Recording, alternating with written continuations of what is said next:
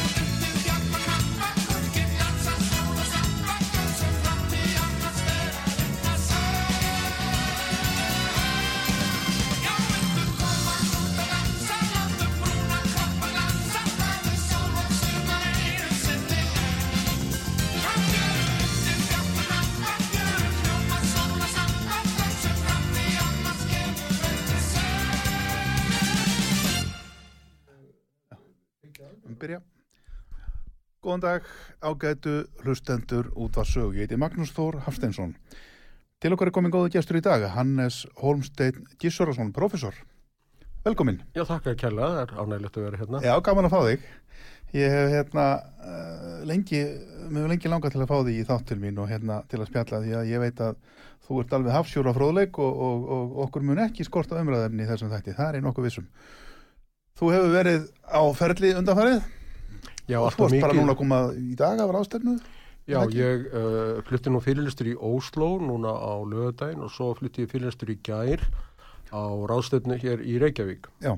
og fyrirlisturinn í Ósló var um Norræna frjálsíkju eða Norræna frjálslindu íhjálpstefnu ég flytti hana á, á alþjóðleiri ráðstefnu sem norskir íhjálpstúdendar emdu til og byrjaði auðvitað á Snorra Sturlusunni og rétti sérna mjög saðra En á rástunninni Reykjavík í gær þá rætti ég um heimskauta löndin og já, gær, já, já. Uh, hvaða stefnumörkun Európa-samband ætti að vera með. Það voru euróskir íhalsflokkar sem heldu þessa rástunni. Mm -hmm, mm -hmm. Þú varst líka með erendi á dögurum sá ég í Snorrastofu í Reykjóldi og þar varst að tala um Snorra Sturluson. Já, það var einstaklega skemmtilegt að vera þar og uh, þarna eru nú stýtta af Snorra Sturlusunni og málverk Haugs Snorrasonar á hana sem er frekt og og þarna komu nú ymsir sem að hefðu margtir málan að leggja eins og Óttar Guðmunds og Lekni sem hefur skrifað um uh, persónuleika styrlungaldar í ljósi gæðlækningsfræðinar Mhm. og sér að geir voge fyrir hundi soknaprestur sem hefur lesið Íslendinga sögur og konungasögur í þaula og hefur margvíslega skoðunar á þeim og það eru þarna mjög fjörugar umræður en þeir í sjálfu sér voru nú sammála mér um mína megin kenningu um Snorra Sturlusona, hann hafi verið auðvitað ekki frjálsíkjumar því að frjálsíkja var ekki til á, á hans dögum. En hugmyndirna sem Snorri Sturluson greinilega aðhyllist eru hugmyndir sem urðu sumar helstu hugmyndirnar í frjálsíkjunni og það eru hugmyndirnar um það að konungarnir séu settur undir sömu lög og þegnar þeirra Þar, þeir eru ekki þeir sem setja lögin, heldur lögin til áður en konungarnir setjast í valdastóla og að ef þeir brjóta þessi lög brjóta hinn óskráða sáttmála millir konungs og þegna hans þá megi setja það af mm. og þetta er auðvitað grundallega forsenda frjálsíkjuna eins og John Locke síðan kerfispindur hana í, í sinni bók. Og á okkar dögum eigum við þess kost að setja konungana af í frjálsum kostningum þar sem konungur okkar er þessi 63 uh, þingmenn sem við höfum og annars það er, er, er líka slíkir konungar. Þannig að þannig uh, veitum við al, valdinu aðhald. Já, já. Þú skrifað þér heilmikið rétt í teimu bindum við myndum 24 Uh, hvað ég var að segja íhaldsama frjálslinda hugsuði Já, þetta er aldrei tungubrjótur að, að orðaða þannig þannig að ég hef nú bara ákveðið að kalla á frjálslinda íhalsmenn það rennur betur íslenskri tungu. jú, jú, þetta eru 24 einstaklingar uh, hugsuðir og sumir er að merkustu heimsbyggingar á, á Vesturlanda. Bókin byrjar á Snorra Sturlusinni og henni líkur á Robert Notzek og það sem er kannski frumlegt í henni að því að þetta er að mörguleitis uh, yfirleitisrit en það sem er frumlegt í henni er hugsanlega að ég líti á mjög margt frá íslenskun sjónarhól þar að segja ég reyna að tengja það við reynslu og sögu okkur íslendinga. Og síðan var ég nú svo heppin að ég kynntist nokkrum af þessum hugsuðum persónulega og satt við fótskörðir að uh, barfann spurningar við á, uh, rætti við á til dæmis Frídir von Hayek. Já. hann kom nú til Íslands árið 1980 í apríl og Milton Friedman kom ingað í september 1984 og, og ég hitti það líka mjög oft erlendis, Karl Popper ég uh, fór til hans, heim til hans og rætti við hann um hans hinsbyggi og hann tók mjög vel á mótið mér. Og þeir Robert Nozick og James Buchanan sem að þarna eru líka uh, ég kynntist þeim líka og rætti mjög mikið við þá og, og þessir uh, fimm hugsaður er náttúrulega mjög minnistæður og eftirminnilegir og það má segja um þá að þetta séu einhver áhræmistu hugsuðurnir og setni hluta 20. aldarinnar. Mm -hmm. Um það eru held í bæði vinstri og hægri menn sammála. Mm -hmm. Já, einmitt. Já. Og þessi bók hefur uh, lotið goða viðtökur, er það ekki? Ég hef séð tölvörstu manna. Jú, ég var nú að segja það að hún hefur hlotið betri móttökur heldur en ég bjóst við. Það var nú selskuleg fósitt Íslands að bjóða mig til bestastæða og ég gaf honum eintöka bókinni og hann hafði mikið áhuga á henni en það höfum við Guðni Jóhannesson daldi svipuð áhagamál í sögunni? Við höfum skrifað um sömu hlutina og við áttum þetta mjög skemmtilegt spjall og það nú verið endurprentana því að hún er svo vinsal á málstofum og ráðstöfnum hjá mm -hmm. stopnurinni sem gefur hann út, það er hugveita í Bryssel sem heitir Núta Reksson og það er líka verið að þýðan á portugalsku hún voru gefin út í São Paulo á portugalsku, kannski eftir eitt eða tvö ár. Brasilíu? Já, og þá múti ég nú kannski fara í, í kynningarferðum allar Brasilíu til þess að ræðum bókina en ég hef myndið verið öll við það að síðast árið að kynnana mjög víða í, Vín, mm. Varsjá um, og Las Vegas um, uh, Guatemala í, ég hef bara verið veri mjög víða Já, já, einmitt, já og uh, svo rannir bók hérna líka sem þú ert með hérna bankarunni 2008 úrdráttur og skýslu, hvað reytir það? Já, það er þannig að uh, Bjarni Bendisson fjármálaráþara bað mig um það á sínum tíma að skrifa skýslu um erlenda áhrifu þætti bankarhundsins. Já. Vegna þess að það var eiginlega mjög lítið um það í skýslu rannstóndemdurinnar. Hún var náttúrulega mjög fróðlega og yfirgrist mikil svo skýsla en það var eiginlega mjög lítið um erlenda áhrifu þætti. Mm -hmm. Þetta nefndir einbytti sér að innlendum áhrifu þáttum og ég skrifaði 300 blað sína skýslu á ennsku og þetta er útráttur úrinni á íslensku að 64 blæsið þannig að hann er mjög aðgengilegur mm -hmm. þessi útráttur og ég myndi segja það að munurinn á þessari skýslu minnis uh, og skýslu rannstofnemndarnar sé að um, rannsóknarnemndin útskýriði út af hverju íslenska bankakerfi var brotætt en ég útskýri hvers vegna það brotnaði Já. og mér honum kenta í hinsbygginni gamla dag, þetta verið tvennskona skýringar, annars vegar glerið er brotætt, mm það er hætt á ferðum, hinn hitt er glerið brotnaði eftir einhver kastaði í gólfið. Þetta, er, þetta eru tvær alveg ólíka skýringar og önnur er í raun- rauninni eins raunverulega skýring, þar að segja að glerið brotnaði vegna að einhver kastaði í gólfið. já, Íslenska bankakerfi fjell vegna þess að gerist tvent erlendis. Annað var það að eh, bandaríkjumenn neituð að gera við okkur gældirskiptarsamninga sem þeir gerðu samt við eh, skandinavísku löndin, við Svíþjóð, Danmörk og uh, Noreg. Og ef að þessi lönd hefði ekki fengið þessa gældirskiptarsamninga, þar segja fengið dólar í skiptum fyrir krónur, þá hefðu bankar þar fallið, eins og íslensku bankar, dansku bank var nálægt falli. Já, og sænsku bankarnir riðuðu líka til falstíð þeir höfðu lánað svo mikið til til dæmis Eisturaldaríkjana. Þetta var fyrra atriðið sem að gerða verkum að íslenska bankakerfi brotnaði. Setna atriðið var að breska ríkistjónin hjálpaði öllum öðrum bönkum, breskum bönkum í, í, í Breitlandi heldur enn þeim tveimur sem að voru í eigu Íslendinga. Mm og uh, það voru Heritage Bank og KSF uh, og og hún kynnti uh, mikinn björguna pakka eins og það er stundu kallað og bjargaði böngu sem voru til í eigu útlendinga þar. Og það sem ég þurfti að gera í minni skýslu var einmitt að reyna að skýra hvers vegna bandaríkjaman og breyta neituðu aðstóð okkur um leiðuður aðstóðu alla aðra uh, og ef þeir hefðu ekki aðstóð þess alla aðra þá hefðu þeir uh, fallið meira að segja Sviss var að gera gældriskipta samninga við um, bandaríkin í, í þessari alþjóðlegu kreppu og þeir eru að vinna til svisslendingar að uh, ljóstra upp um bankareikninga bandaríkjamanna í, í Sviss. já, til bandaríska stjórnvalda Já, til bandaríska stjórnanda til þess að fá uh, dollara því að það var svo mikið dollaraskortur, Mhm. það var svo mikið lausafaskortur, þetta var í eðli sínu uh, bankakreppan, uh, fjármálakreppan 2007 til 2009 var lausafjárkreppa og Íslendingu var neitað um það lausafjör sem allir aðri fengu. já. Þess vegna uh, fjall uh, bankakerfið. en hvers vegna fengum við þessa neitun Já, það hefur nú kannski verið rétt af rannsóranemdini mitt að taka fyrir erlendu áhrifaþættina, ekki eingöngu hérna íslensku, reyna að útskýra ekki bara út af hverju kerfið á brotætt eða líka, líka út af hverju það brotnaði. Og ég kem nú með ímis svör í, í minni skýslu og uh, svarið gagvart bandaríkjamönnum er nú tiltölu einfalt að, og þú þekkir þetta nú sjálfur sem sérfræðingur í uh, stríðsrekstri og, og hernaðalegu mikilvægi þjóða og svo framvegis og landa að uh, uh, bandaríkjumenn höfðu þegar hér er komið sögu mist áhugan á Íslandi. Þeir eru hatt mikið áhuga á Íslandi frá 1941 til, 2000, eða svona til 1991 síðan höfðu mist áhugan vegna að kaldastriðinu lauk og við vorum ekki lengur hernaðlega mikilvægt land. Þannig að þeir líti bara svo á að við verum Európuþjóð og, og við ættum að leita til Norðurlanda og, og til Európusambansins ef okkur vantaði eh, dollara. Mm. um, þetta var þeirra afstæða hún er tiltölulega auðskiljanleg.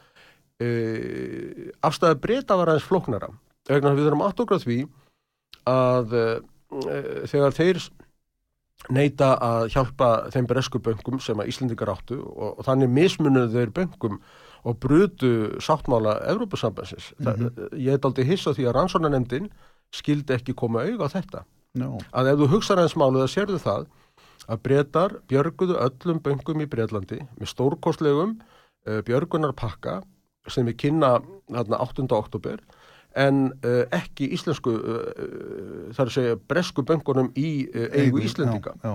Heritable og SKF sem voru breskir bankar og greitu skatta í Breitlandi og ég spurði mitt Alistair Darling hvernig stóðu því að þú um, bjargaðir RBS, The Royal Bank of Scotland en ekki KSF, uh, Kaupþing Singurand Frídlandir Mm. og þá sagði hann bara bræði, já, Royal Bank of Scotland var bresku banki. Og ég sagði þá við hann, já, það var líka KSF það var bresku banki og þá sá hann að hann hafði hlaupið á sig og hann svaraði þá, já, náttúrulega KSF er ekki kerfislega mikilvægur eins og Royal Bank of Scotland en þeir björguðu mörgum böngum svo voru ekki endilega kerfislega mikilvægir eins og Bratwund og Bingley og þeir björguðu böngum sem að voru í eigu útlendinga. Það, eins og Spánverja, Santander bankin átti talsvert í, í breskum böngum Mhm. þannig að þeir, þeir mismunuði Íslendingu stórkostlega. Þá er spurningin eins og þú varst að varpa fram hvers vegna Mhm. og ég held að eh, ein skýring sem kom nú fram var svo að þeir vildu heia ódýrt falkansegja stríð sína eh, breskum kjósendum að þeir væri nú karlar í krabinum Nú, já. þetta var nú bent á síðan var eh, líka bent á það að þeir voru öðrum þræði með hörkunni gangast Íslendingum að leiða aðtegluna frá því að þeir voru í raun og veru með þessum björgunapakka aðalega að bjarga tveimur skoskum böngum, þeir Gordon Brown og Alistair Darling, þeir voru báðir frá Skotlandi.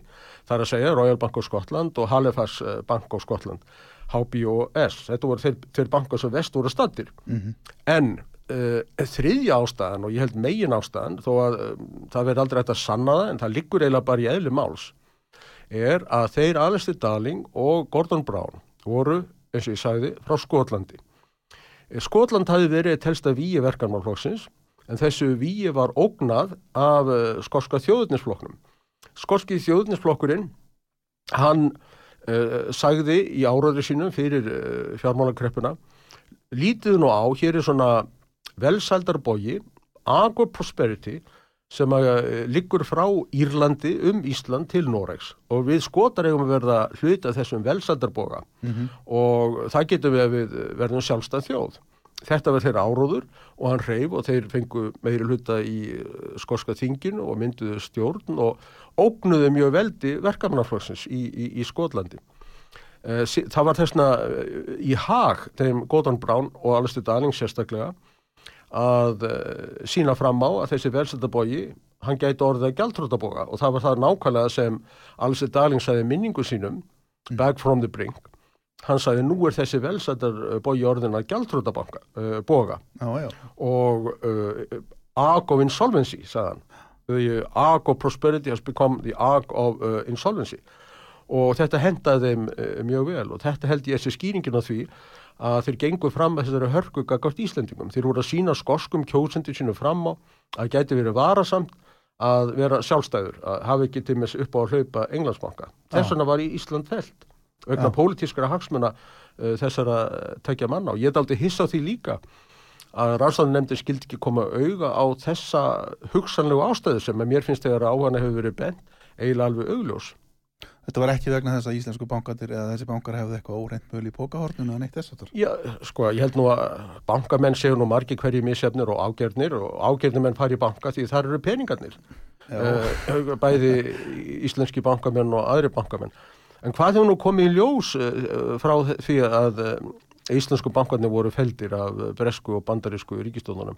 Það sem hefur komið í ljós er að, að þeir stunduðu stórfeld peningaþvætti, margir þeirra, Þeir hægrötu vöxtum á millibankamarkaði, Líbor vöxtunum. Þeir veittu uh, viðskiptuvinnum sínum uh, rángar upplýsingar og hafa hlotið stórsektir fyrir það, þessi bankar. Og eitt þeirra sem fekk nú um, mikil, mikla aðstóð UBS í, í Sviss, sem var nú bjargað tvísvar, einu sinni fyrir kreppuna, einu sinni í kreppunni. UBS hamaðist við það að brenna í kjallaranum hjá sér eh, öll gögn um eh, innstæður gýðinga frá stríðsárunum í, í UBS. Þetta eru nú bankarnir sem var bjargað. Eh, þó að íslensku bankarnir hafa verið geist, þá var ekkert sambarilegt sem fannst hjá þeim. Það sem fannst hjá íslensku bankunum var aðalega örvendinga fullar björgunar aðgerðir á síðustu metrunum þegar þeir voru að reyna að eh, hýfa upp verðið á hlutabrjónum í bankunum. Það var nú allt og sumt, það voru allir glæpinir. Mm. Já. Já. Uh, Víkjum að öðru, þú talaður um kvalveðar, er það ekki í erindi þínu gær? Já, uh, Nú er að hefjast ný kvalvertið já mér, mér finnst það alveg hlé. förðulegt að, eh, að menn sjá ekki kjarnan í málinu sem er þessi. Já, Það eru til uh, ákafir fríðunarsinnar í bandaríkjunum sem láta mjög mikið að sig kveða og þeir vilja banna Íslendingum að stunda kvalveðar. mm. Uh, en uh, þeir virðast ætlast til þess að við fóðurum hvalina uh, og mér finnst þeir vera dálta eins og frekibóndin sem rekur kýrna sínar í byttaga hjá nágrannanum og það er eitthvað kýrnar að fá sitt gras en síðan má nágrannin ekkert hyrða neinn gögn eða gæða af kúnum heldur uh, bara sá sem að rekur kýrnar í byttagan því að það sem gerist er að kvaletni koma hingað á Íslandsmið og þeir geta 6 miljonir lesta af, af alls konar sjávargróðri og litlum fiskum. Eh, Við löndum Íslendingar, ekki nema eh, svona einni og, eh, einni og hálfri miljón tonn í mestalagi af, af fiski, þannig að við eh, getum ekki nærið hér mikið eða svo má þið komast eða etum ekki hér mikið og, og, og kvalinni gera. Áhverjum við að vara að fóðra kvalina fyrir bandarískum fríðuna sinum? Já. Ef að þeir vilja að við fóðrum kvalina þá er þeir að borga fyrir það. Mm uh, já, þessar kvalviðar sem við stundum eru náttúrulega sára lítið brot af stærð kvalastofna umhverjus Já, og við sjáum það til dæmis að því við erum með við erum með tvennskonar kvali hérna uh, það sem kallaður ennsku mingi uh, whale, Hrefna, hrefnan já og, og, og, og finn whale langriður langreiður einmitt. Og af, af hrefninu þá nú svona 40-50 þúsund mm. eintök til og af langreiðunum það, það er langreiðunni það, það er til um, eitthvað um 26.000 sem gott mati mm. sjávarlífræðinga og þetta, þetta er auðvitað bara brot. Við erum ekki neitt að ógna uh, kvalastofnunum Nei, með okkar kvalveðum nei, nei, ég held að það sé alveg, alveg, alveg rétt og, og kvalur er nú gómsættur og við höfum lært aldrei síðustu áratugin að, að matriðan vel ég manna þegar ég var uh, lítið drengur þá, þá var kvalkjött afskaplega ódýrt og þetta var stundum keift og, og eldað. Og einhvern veginn hafði ekki tekist á að ná úr því einhverju bragði sem að mér fannst ekki nægilega gott. En það hefur tekist með nútíma vinslu og til og með kvalur er mjög góður í, í sashimi svona Já. ráan japanskan mat og uh, hrefnan er líka góð, gott já, og mér finnst þetta aldrei einkennilegt í heimi þar sem er auðvitað, við þurfum á mat að halda að það með ekki nota þennan mat. Ég maður það líka þegar ég var lítið drengur að okkur við kent í skólanum að það veri eitthvað fáránlegt við það að hindúar vildi ekki mm, slátra kúm og, og, og, og eta þær. Mm. að þeir litu svo á að, kýr væri he, heilug dýr. Já. og menn hristu höfuðið við þessari hjátrú hindúana en býtu, erum við ekki að gera kvalina einhverjum heilugum uh, dýrum núna? Jú, jú, það má alveg velta því fyrir sér og, og, og, og, og þessar kvalviðar í raun og veru sem eru stundar eins og hér við Ísland að það eru sjálfur sér í eðli sínu ekkit öðruvísi heldur en aðrar veiðar á villibráð tökum bara spendir eins og reyndýrum Einmitt. og, og uh, þannig að Mér finnst órugrætt að vera með trúalega afstöðu til dýra. Ég man líka eftir því þegar ég var lítið drengur þá las ég um, myndskreitta uh, bækur eftir Walter Scott, uh, Ívar Hlújárn. Já, og mér að minnist að þetta er Gýðingurinn sem er eina af personum í bókinni, uh, hérna hann, uh, hann kemst í, uh, kemst í kynni við svínakjöt. Uh, hérna, og, og, og honum finnst það fullkomin anstigð að, að eta svínakjöt og það finnst nú líka múslimum, bæði gýðingum og múslimum að þeir telja að þetta séu óhrein dýr. Mm, á sama átt og uh, indverðin telja að, kýrna séu, séu heilugdýr hvort ekki að ég myndi hafna hvoru tvekja mm, uh, svínakjöt er alveg príðilegt og uh, samir að segja um nautukjöt og samir að segja um hvalkjöt. Já, kvalgjöt er mjög gott. Er og í fyrstu Mósebók það segir og það er það er í rauninni mín skoðun og ég myndi halda almenn skoðun á Vesturlöndun nema hjá svona fólki sem býr í einhverju gerfu veröld að, að Guð hafi skapað náttúruna fyrir mannin og Mm. fengið honum um, fugla loftsins og, og, og, og fiska sjávarins til, til að eh, framfæra sig. já, já, einmitt já, jú, jú, þetta er alveg rétt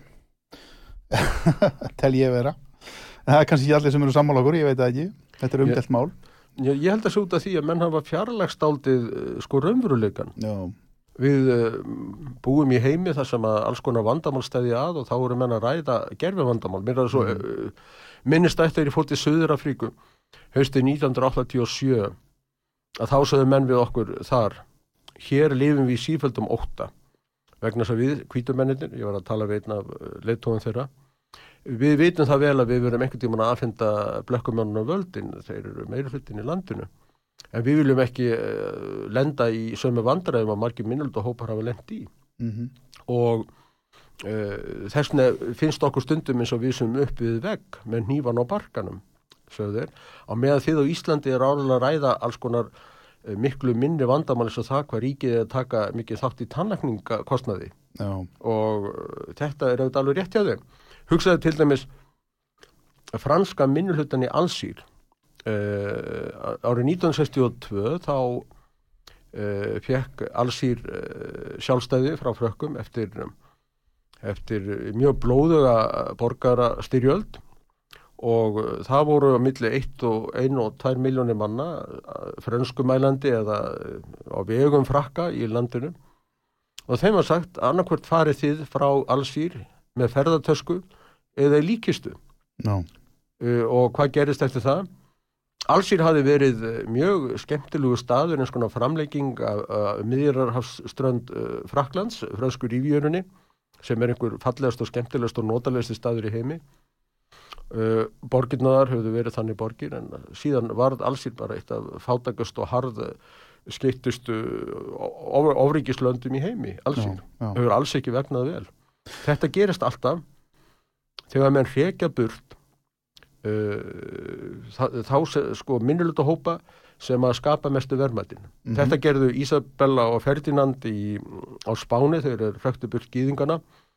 Þetta gerðu uh, allsýrbúar þegar þeir hrektu burt uh, franskumælandi mennina, Pied Noir voru þeir kallaðir, þeir fóru flest til Fraklands og þetta var gert í Zimbabwe sem hérna á Suðuróti sér þegar ég var alast upp að Zimbabwe hefur bara sokkið niður í fullkomna örbyrð, óðaverbolgu og annað þvílegt þegar gerðu jarðir hvítu uh, bændana upptækar í staðin fyrir að reyna að vinna að sátt og samlindi allra kynþáttar þannig að hvítir menn grætt á, á hrörtum og svartir menn grætt á hvítum Mhm. og þetta virðist líka verið að gerast líka í, í, í, í Suður Afríku við eigum að, að um, orska uh, svona arð uh, sömum minnulduhópun til hamingi með að vera ríkar en við sjálfur Já. og, og nýta okkur þeirra hæfileika Já.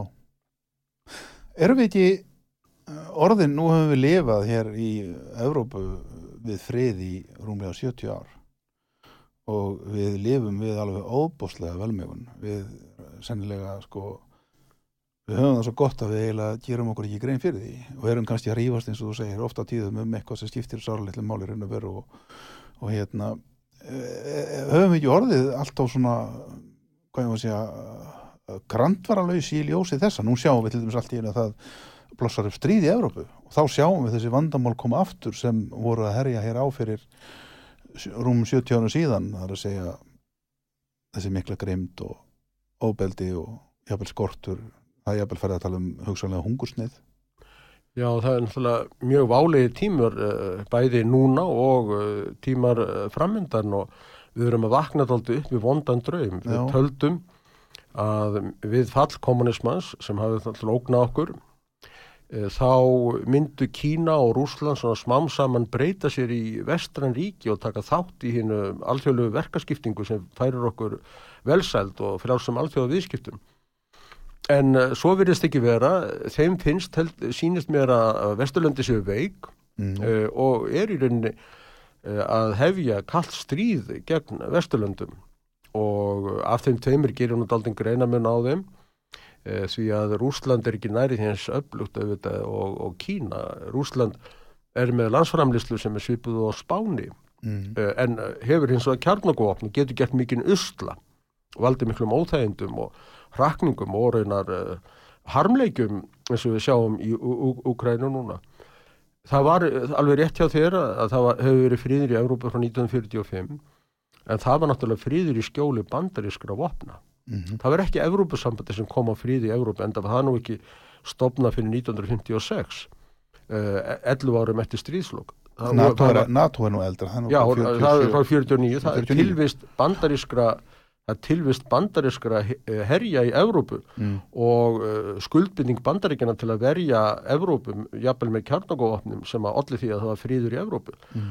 Rómverið henni fornu sögðu si vis pagem eh, parabellum ef þú vilt frið, þá skuldu búa þau undir stríð. Það er að segja, vertu alltaf svo sterkur og öflugur og vopnum búinn að enginn þóra ráðast á þig. Og þa- það var tilgangurinn með eh, stofnun allarsbandalagsins. Og það kann vel að vera að rússar að misreikna sig og vanmeti styrk Úkrænu og vanmeti viðbröð vesturlundamanna. Ég átta mig ekki alveg á því, en að minnst að kosti sínist mér að bæði rússar og kynverjar gangi út frá því að við á vesturlundu séum miklu veikar heldur við, heldur við séum í raun og veru Já. og hafi ekki nægilega vitund um fyrir hverju við eigum að berjast og ég skrifaði nú þessar, eh, tva- þessi tvö bindi 24 Conservative Liberal Thinkers meðal annars til þess að útskýra fyrir sjálfum mér og öðrum hvað við værum að verja og það sem við erum að verja held ég er grundvallar atriðin í vestarinnu menningu. Það er í, í, í, í fyrsta lagi opið hagkerfi eða fráls alþjóðavískipti og í öðru lagi eignaréttur uh, einstaklingana bæða sjálfum sér og, og, og þeim gæðum sem þeir framleiða og í þriða lagi takmarka ríkisvald. Mm Ég kallaði á einsku private property, free trade and limited government. Þetta er það sem einkennir Vesturlönd. Annar staðar höfum við harðstjóra sem að er ekki seldur undir en lög, hegða sér eins og vondukonungarnir í heimskringlu sem Snorri Sturluson segir frá. Já. Er komið þá, hvernig heldur þetta munið þróast? Eh, Gerur þér einhver grein fyrir því þessi átök núna milli heims vestrana heims og Rúslands? Já, ég held að þetta get ekki farin á maður eitt veg. Uh, og það er að fyrir að síðan verði sami vopnarli Já, og síðan er eðlilegast að uh, þau héruð sem verður að deilum fái bara ráðið sjálf hvort þið tilhera Rúslandi eða Úkrænu og það er nú fordæmi fyrir þessu árið 1920 þá var Norðurslésvík skipt í kjördæmi og síðan var kosið í hverju kjördæmi sig hvort að menn vildu tilhera eh, Danmörku eða eh. Þýskalandi já, og nyrsta kjördæmið vildi Sönnar Írlands eins og það kallaði sjálfur það Já. vildi uh, vera í Danmörku og mið, mið kjördæmið og raunar líka síðsta kjördæmið vildi vera í Þýskalandi þannig að Já. Uh, mér finnst eðlilegast að fólki í Luhansk og, og Donbass það, því, það ráði í sjálft hvort þið viljum í Júkrænu eða Rúslandi en auðvitað hljóta slíka kostningar að, að fara fram um, uh, undir alþjóðlegu eftirliti. Það er annað sem ég myndi segja um Úkrænum setjum svo þó að ég sé auðvitað þeirra skoðunar úkræminni að ráða sínum örlugum sjálfur og ráði sjálfur hvort að þeir eru í Európa-sambandinu ekki og hvort þeir eru í allarsbandaleginu ekki eða, eða sækjum aðild svo eftir að taka við þeim það er annar mál en uh, setjum svo að við viljum ekki augra rússum um of mhm, setjum svo að við viljum ekki smíða einhverja uh, rísastóra norðurkóru inn í Európu eins og verið að gera með einangra rússa og taka ekki tillit til þeirra. Hvort sem uh, þeirra kröfur eru réttmæður eða ekki, slepp með því í bili. Mhm, þá held ég að væri eðlilegast, ég er aldrei hissað því að engi skulle hafa bent á það sem lausn í málinu að Úkræðina sem vill vera vestrænt uh, ríki gangi í euróska efnaðsvæðið já, með Noregi, Íslandi og Líktenstein og í öllum grundular atriðum Sviss. mhm, Þá geta þeir verið hluta af Evrópumarkaðnum eins og við erum, já, án þess að vera hluta hennu pólitíska bandalagi sem Evrópusambandið er í Brussel. Þannig að mín lausn á þessu máli er vopnarhlið, kostningar í, í héróðunum um það hverjum þeir vilja tilhera og inganga Úkrænu í EES ásamt því auðvitað að við verðum að aðstóða Úkrænu að rétta úr kúknum eftir stríðið alveg svo bandaríkjumenn aðstóðu Evrópu eftir stríðið með massalaðstóðinni. já. Rússar eru þá að skila þeim öðrum svæðum sem þeir hafa hertæki. Þeir eru náttúrulega búin að taka þarna alla strönda svo hafs og Já, stóran hluta af svartafströndinni. Já það er verðri. náttúrulega bara eftir hvað íbúðinni vilja og ég er alveg Já, samfélag þú myndir vilja láta kjósa það líka. svo sagt. Já, Já, ég myndi segja eftir kjósa bara öllum umdeldin svæðum en ég er ekkit endala vissum að rússar gerir en að sérstakka kröfu til þeirra svæða sem þeirra herrtekið umfram uh, Donbass og, og Luhansk þeir Nei. gera kröfu til þeirra svæða, já, já það er alveg rétt en eigum ekki bara að láta íbúana þar ráða þessu, já, eða meirhlutan já, já. Áhugavert. Við ættum að senda þeim sem sáttarsamýra til. Nei, ég menna ég hef bara verið að velta fyrir mér þessum hlutum og það eru til, það eru til svo sko. mörg, mörg fordæmi fyrir lausnum Mm. það er ekki bara til vandamála, það er ekki bara til sverð það er líka Nei. til eh, viðskipti og það er til verð til að sætta sjóna með á milli manna ég skal nefna þriðadæmið um, um sko, hvernig þetta er að sætta sjóna það er að hér áður fyrr voru álandsegjar búar Mm. þeir vildu verið í Svíþóð en ekki Finnlandi, þeir voru sænsku mælandi og nær Svíþóð en Finnlandi en þeir höfðu frá fornunu fari tilhert Finnlandi og uh, þeir sögðu í meira sér þjóðratkvæðgræsleinu sinna að þeir vildu ganga í Svíþjóð. En það sem að finnar gerðu var að veita þeim svo mikið sjálfstæð og sjálfstjórn og aðstáðu svo mikið að núna una álandsegabúar uh, ágætla sínu hlutskipti sem hluti af Finnlandi. Já, og það er það sem að þyrft að gera við þá minnildahópa sem er á þessum svæðum það sem að rússar úkrænumenn eru að deila. Mhm, að tryggja réttindi minnildahópa já, og þarna sérðu að ef við lítum á sögu Norðurlanda þá höfum við þá höfum við einmitt lærdóma sem aðra þjóði geta dreigið. Í fyrsta lagi dönskulösnina sem er að láta kjósa á millis hvort þú ert í Danmarku eða Svíð eins og gert á 1920 í öðru lagi norsk-íslensku lausnina sem er að vera uh, þáttakandi í Evrópu viðskiptum en ekki Evrópu ríki mm -hmm. með því að vera í EES en ekki ESB uh, og í þriðilegi finsku lausnina sem er að vera með hluta af landinu sem að tala kannski annað tungumól þetta er þorrið þjóðarinn að gerir áland segja búa veita þeim nægilega sjálfstjörn og nægilega aðstóð til þess að sé ánæður. Já. Þetta eru þrjár norrannir lausnir sem var þetta að nota í Júkrinudelinni. Ennmitt, já. Já, við þurfum að taka auglýsingal hér. Góðir hlustur, ég heiti Magnús Þór og þið eru að hlusta hér á síðdeis útvarku og sögu. Gestur okkar er Hannes Holmstein Gísverðarsson. Pró...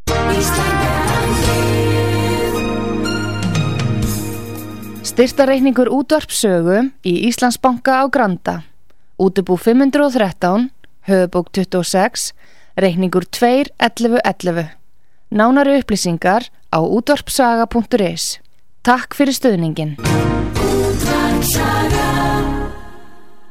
Professor, við komum aftur að vörmu spori. Síðdeis útvarpið á útvarpi sögu. Þáttastjórnandi Magnús Þór Hafsteinsson.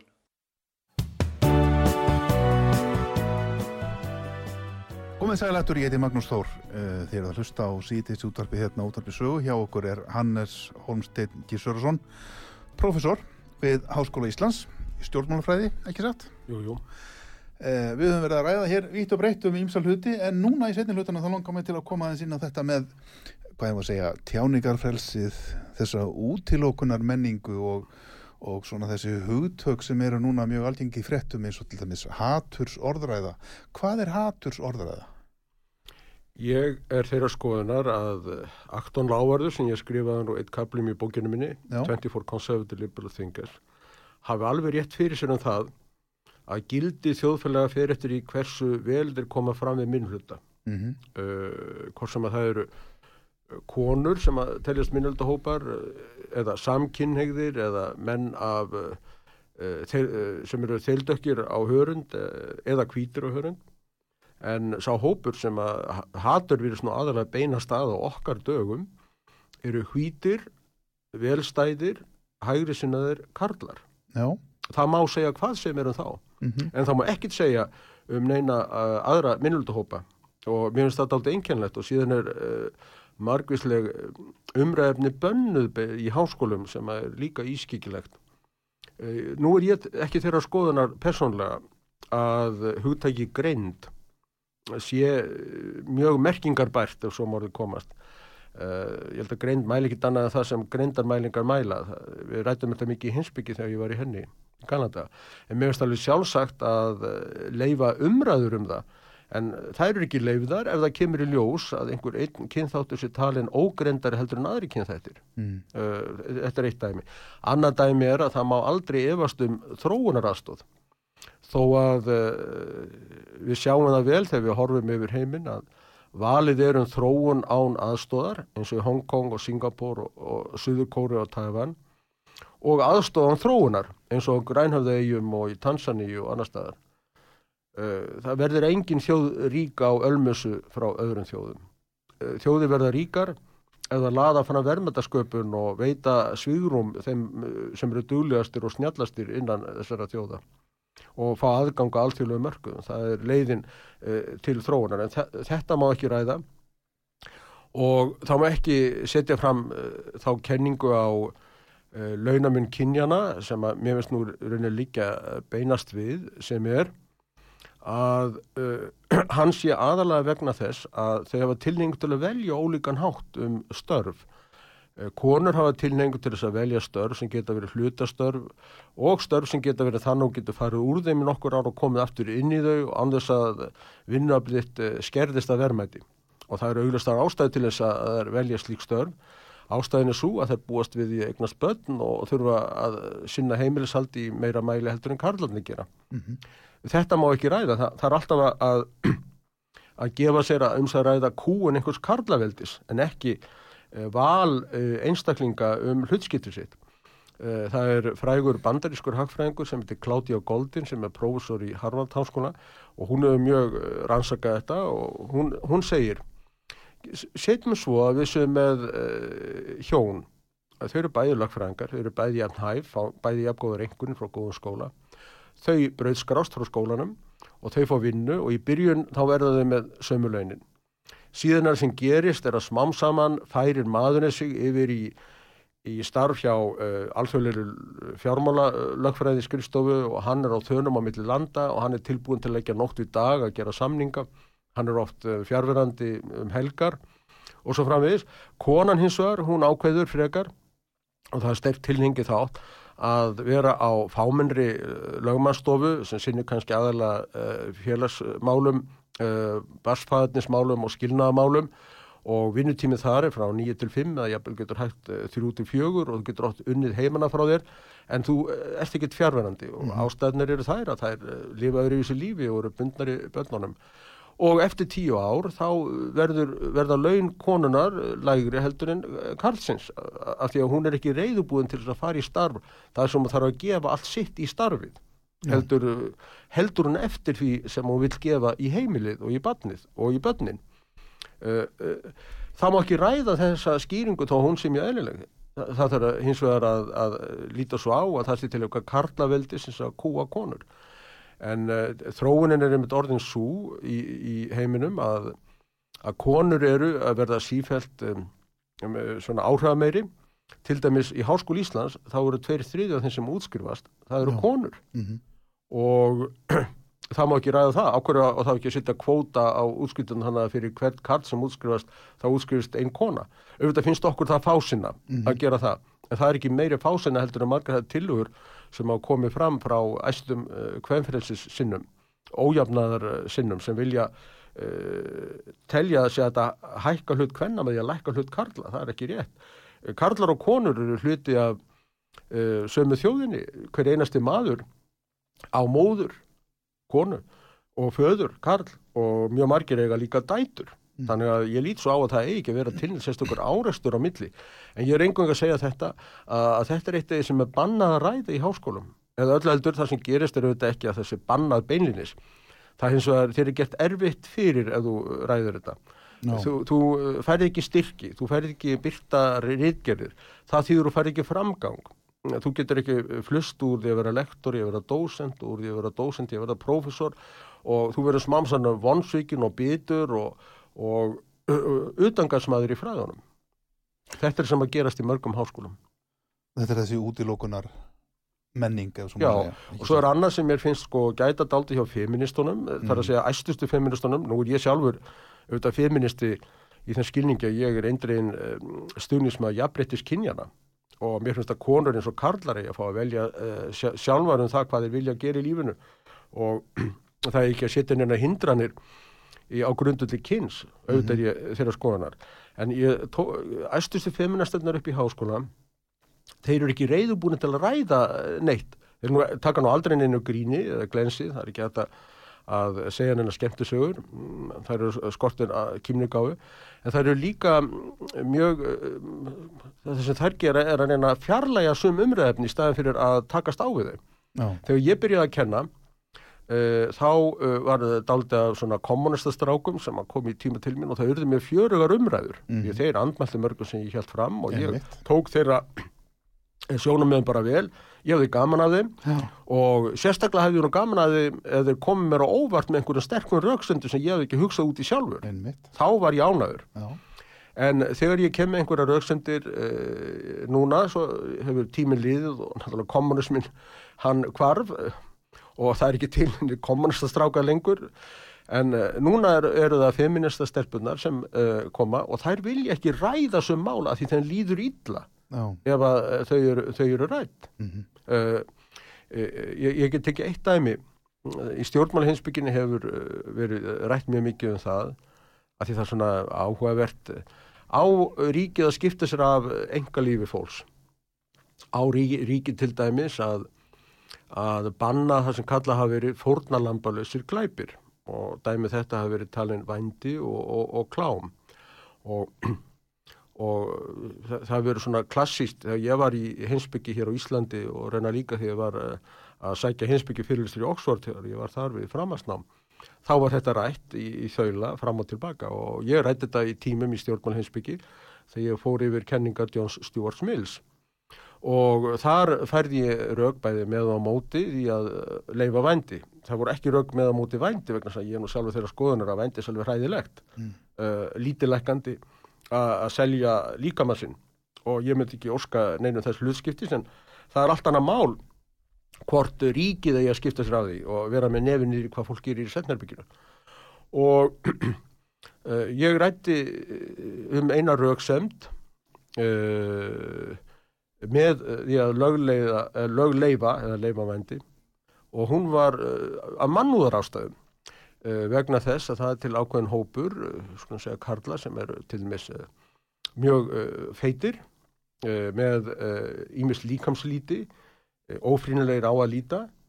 Og það kann vel að vera að, að, að það sé svo um þá að þeir get ekki út á þessi rekkjunauta uh, eftir frálsu vali því það mun enginn velja þá. En hvað er þessi menn þá að gera? Eina leiðira til þess að fá rekkjunæta er að greiða fyrir það. Og hvað gerðu feministarnir? Þeir kærðu mig fyrir fytuforduma. Já, akkurat.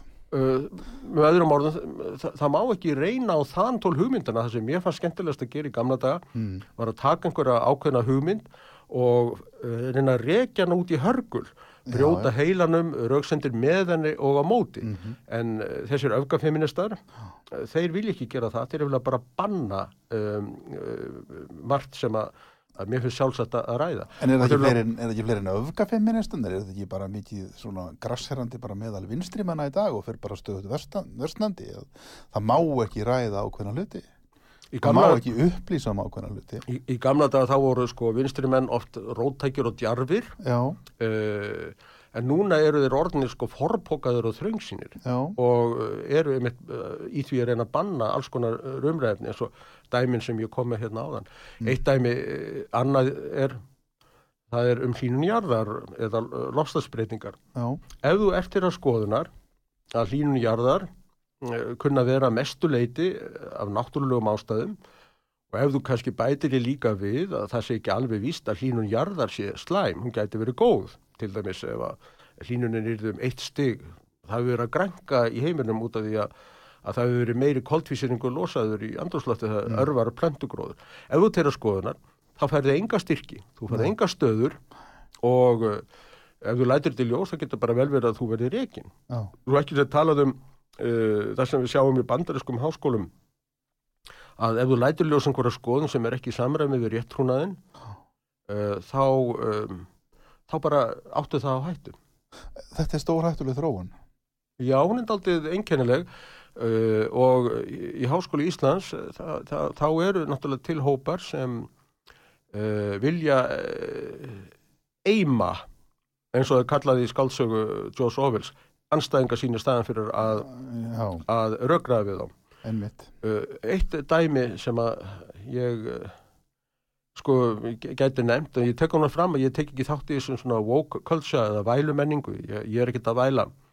Ég er satt að sé mjög þakkláttur fyrir uh, alla þann stuðning og það öflugu bakkjalla sem ég haf haft í lífinu og, og þarf ekkert að vera netta kvarta en ónættilega þá var það daldið einkennlegt einu sinni, það var í júni 2015 þá er ég á skrifstónu minni og um, það var bóð í, í Otta sem ég er með skrifstóðum svona kvítinsbóð út af því að það var að koma út nýtt hefti af stjórnmálum og stjórnsíslu mm.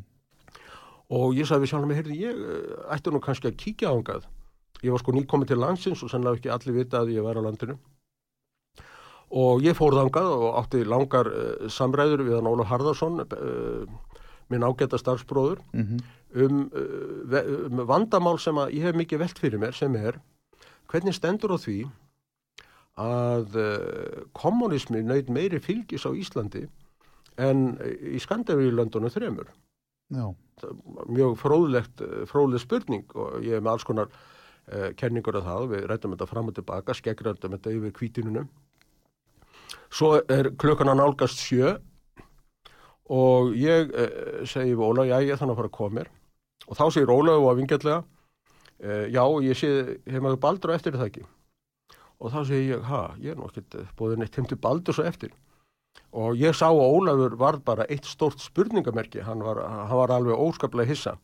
Og ég fór og sagði mig sjálfur mér, þetta er eitthvað voða skrítið, ég skilir þetta ekki alveg og svo nokkur dögur setna og ég hafði nú svo sem ekki mikla ráðgjör að þessu því að hverju kvöldi eru þúsund bóð í Reykjavík Já. sem ég er ekkit bóðin í. Það er, menn með ráða því alveg hvort þið bjóða mér í bóð og svo nokkrundaðu setna þá hitti ég eh, að sá ég álengdarinn um, samkennara minn í stúdnandikjallarinn þar sem ég var að fá mér kaffi. Og ég kallaði á hann og sagði, heyrðu, kontu sesti hjá mér í kaffi og skulle kjáta saman og svona. Heyrðu, hva, hvaða bóð var þetta hjá Baldri, sagði ég. Þá sagði hann Já, þetta var bóð sem deildin helt og var á kostnadeildarinnar, svona þetta er hræra með saman eh, um sömarið og það var haldið heima hjá Baldur Þórasinni, fórseta eh, deildarinnar uh, og þú varst eini maðurinn, eini kennarin, eini starfsmaðurinn sem var ekki bóðinn og, og mér fannst þetta nú píndi einkennlegt uh, því að þetta uh, náttúrulega var ekki enga bóð fyrst að deildin bara kostnaðin af því mm -hmm. og þetta finnst mér nú dæmi um um útlókun. Ég hef þetta verið að segja, ég held ég ekki endalega mista neitt mjög miklu. Þú veist, ég hef margt annað, já, já, ég hef sko svo mikla bjargir í, lífuna, ég þarf ekki að kvarta. Nei, nei. En kannski er einhverjir aðri sem að um, eru ekki með þessa öflugu bakhjall á mikla stuðning og, og, og sterkan eh, vinagarð sem ég hef með sem að gætu þjáðust eh, við það að vera útlókaðir á, á þennan hátt. Mm -hmm. Og síðan er annar mál að ég er nú ekki missum að þetta sé nú mjög skynsaleg meðferð á almannafíðan. Nei, það er svonir eða. Já, já, en hérna, já, nei, ég er að velta... Það er eitt viðbútt kannski já. sem ég ætlaði að benda á í mm. sambandi við það. Uh, er ekki, er, nú er nú Baldur ágætis maður og hann og Ólar Harðarsson eru einstaklega þægilegur og góðu starfsfélagi mínir en, en Baldur, hann gerði þetta nú að bjóða mér ekki í hérna þessa veislu sem var haldinn á kostnadeildarinnar, einu starfsmanna en Baldur hafði einmitt eh, getið sér orð sem öflugur talsmaður minnildahópa no. réttinda samkynnaður til dæmis mm. Uh, og, og hvartað undan því að þeir hefði verið útlokkaður og verið beittir ránglæti hér áður fyrir uh, á slíkur maður að taka þátt í útlokkuna manni fyrir það eitt að hann skulle vera hægri maður og færi í tögurnar og öfga fimministum Já, ég veit ekki. Já, þetta voru ekki neinn mistök þetta var Nei, nei, hann sagði mér náðu mitt að, að hérna nokkru setna já ef ég hefði bóðið þér uh, þá hefðum við bara verið tveir einir í bóðinu og ég sagði það er ekki alveg rétt. Ólar Harðarsson hefði nú komið aðna og, og Stefani Óskarsdóttir og, og kannski Hulda Þórisdóttir og, og Gunnar Helgi Kristinsson því að hann tekur ekki tátt í netti svona útlökuna vittlisu þannig að við hefum nú verið aðna kannski 5-6 og það hefur þetta skemmt okkur vel. Er þetta ekki bara einelti, búra einelti? Uh, Þa, það er það sem aðri segja en ég, er, ég er ekki þetta kvart undan þessu. Uh, mér þótt þetta aldrei einkennilegt og ég held þetta sé nú ekki góðar vennjur í háskóla en ég uh, hef það svo gott og, og hef sem betur fyrir haft tækverði til þess að sinna mínum áhugamála svo vel að um, fyrir mér var þetta ekkit áfall þetta var aðeins undrunarefni En þú hefur nú oft fengið yfir því svona guðsöldnar í gegnum tíðina ekki satt fyrir þína skoðanir Já, ég sagði hún við nefndu mín að eini dómurinn sem ég hefði hlotið, sem ég var reglulega stoltur af, Já. það veri dómurinn sem ég fekk fyrir að reyka frálst útvarp eh, árið 1984. Já, þökk skaltu hafa fyrir það, því að annars sætu við ekki hér nú. Já, við, við vorum nokkru sem að töldum að ríkið ætti ekki að hafa einókuna á útvarsvestri og við, við starrektum eh, frálsa útvarstöð frá öðrum til 10.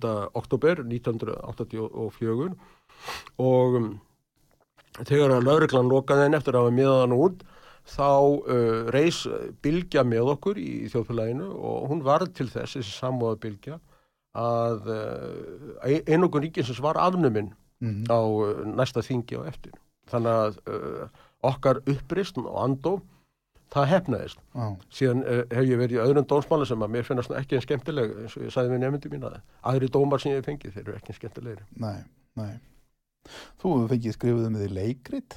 Já, það var verið sett upp tvö leikrit eh, um mig í, í, í íslensku eh, leikúsunum í Reykjavík sem er nú tveimur fleiri heldur en um sankjarnara mína.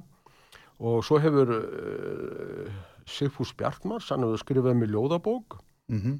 uh, þar sem Holmstedt kemur fram og, og, og segir hitt og þetta og það er bara gaman að þessu. Og ég óskar þessu fólki bara alls góðs sem að vil gera með leikrit.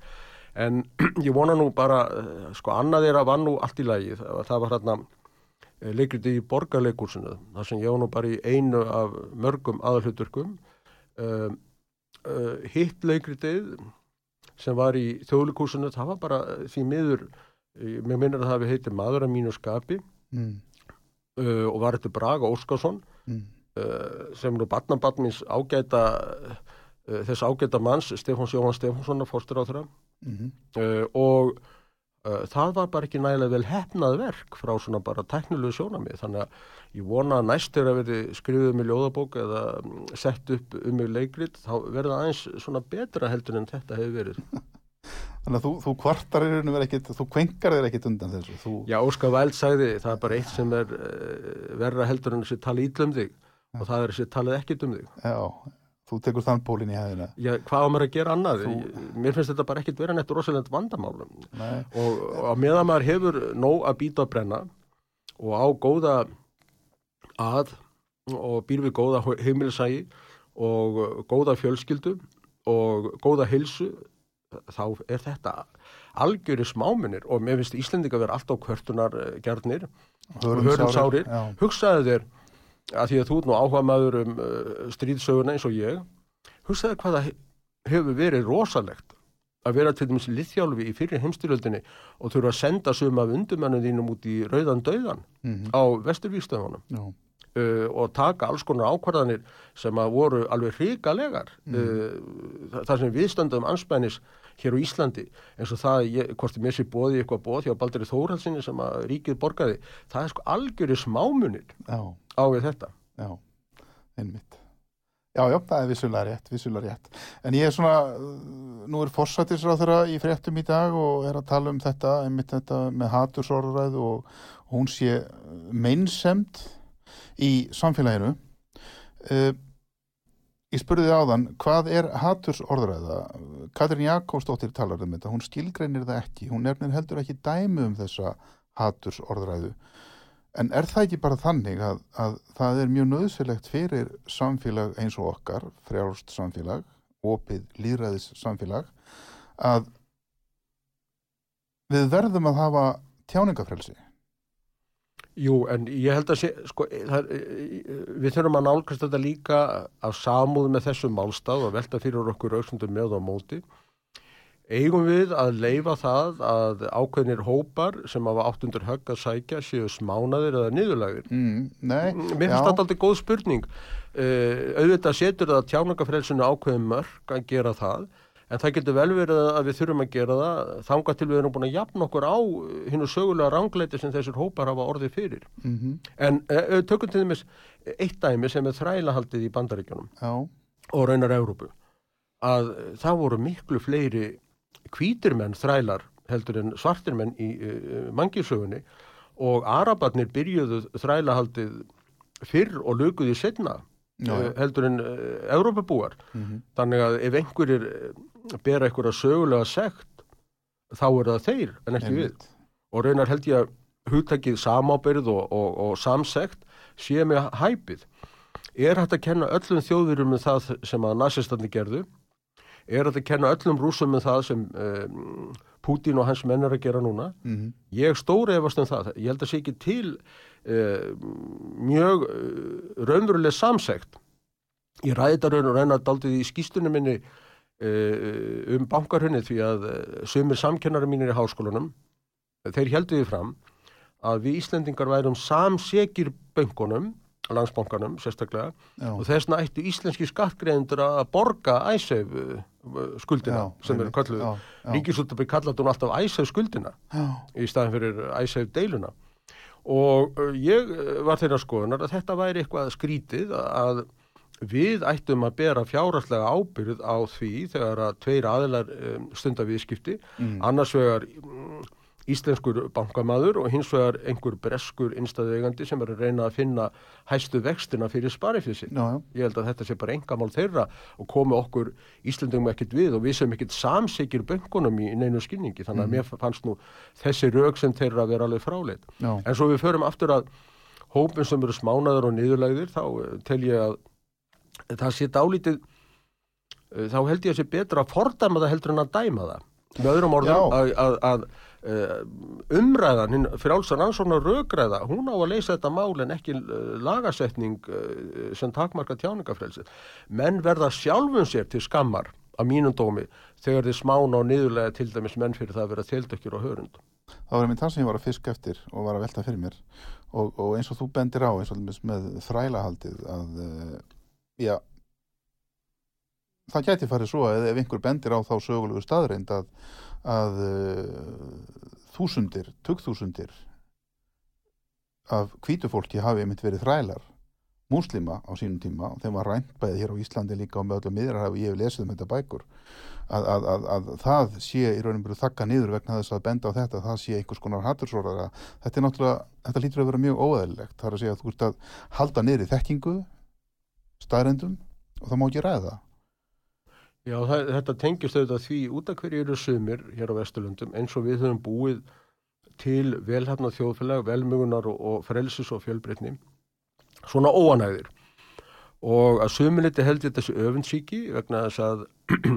sumi vinstrimenn, þeir segja eins og Gór Vittal sagði nú í gamle en þeir segja alvöru í hvers skipti sem einhverjum vinni mínum gengur vel, þá deyri eitthvað inn í mér sagði Gór Vittal e, og Somerset Moam hann bættum betur og sagði það er ekki nóg að mér gangi vel öðru verður að gangi ítla þetta er svona kenning sem að sumir vinstrimenn eru með. En Hayek bendir á það að það sé líka um að ræða að í okkur er eh, frá eh, okkar 5 miljón ára göngu um heiminn, mannana, e, svona erðavísar sem leifa mönnum ekki að skara fram úr eða sapna meiri forða heldur en öðru vegna þess að það var það deilöldum forðanum inn í ættbólknum Uh, og síðan komum við inn í þetta þjóðfélag sem við erum í núna þar sem að sumi geta orðið uh, ríkir og, og til dæmis hefur nattvæðingin gert að verkum að menn orðið miklu ríkar en áður því að þeir sem eru með sérstakka hæfileika mm. Eins og við skulum segja Tiger Woods eða Madonna þeir geta selgt þessa hæfileika sína á markaði uh, svona 6 miljardar manna en áður aðeins 300 miljóna í bandaríkunum einum mm -hmm. þetta þýðir að menn fara svona fram úr öðrum og það stangast aldrei á við ættbólkin þar sem við hjúrum hver að öðrum við varðeldin inn í hellinum. Þannig að ég held að sko vinstri stefna sé að sömur litur löngun eftir að hverfa aftur inn í henn kalda faðum ættbólksins Já, það er nefnilega það en mitt tím okkar er eiginlega á þrótum eh, mér langar aðeins til að spyrja þig þú ert á fullu í fræðistarfum Já, já Ert það að fara að setjast í Helgan Stein? Nei, síðan að svo, ég er að Ég er að skrifa tær bækur um þessa myndir. Það er svona ekkit leindamál. Önnur þeir eru landstómsmálið og þá spurningu hvort uh, Geir Há Horti, uh, eh, fórstæðisráða, hafi hlotið réttláta málsmeðferð. Uh, og hinn bókin, ég er ístjórrennar og skrifa rækjulega formálaðinni. Hún er bók með köplum um norræna frjálslinda íhjálpsætin, allt frá snorra styrlusinni til nútímans. Einmitt, flott eflaust mjög góð innleiki í umræðuna sem er nöðsynleg. Ég vona það. Já, einmitt. Hannes Holmstedt Gísurarsson, takk fyrir stór stjæmtilegt spjall. Góð hlustur, takk fyrir að hlusta. Hétti Magnús Stór, Davíð Tæknumar, takk fyrir hjálpina. Verðið sæl.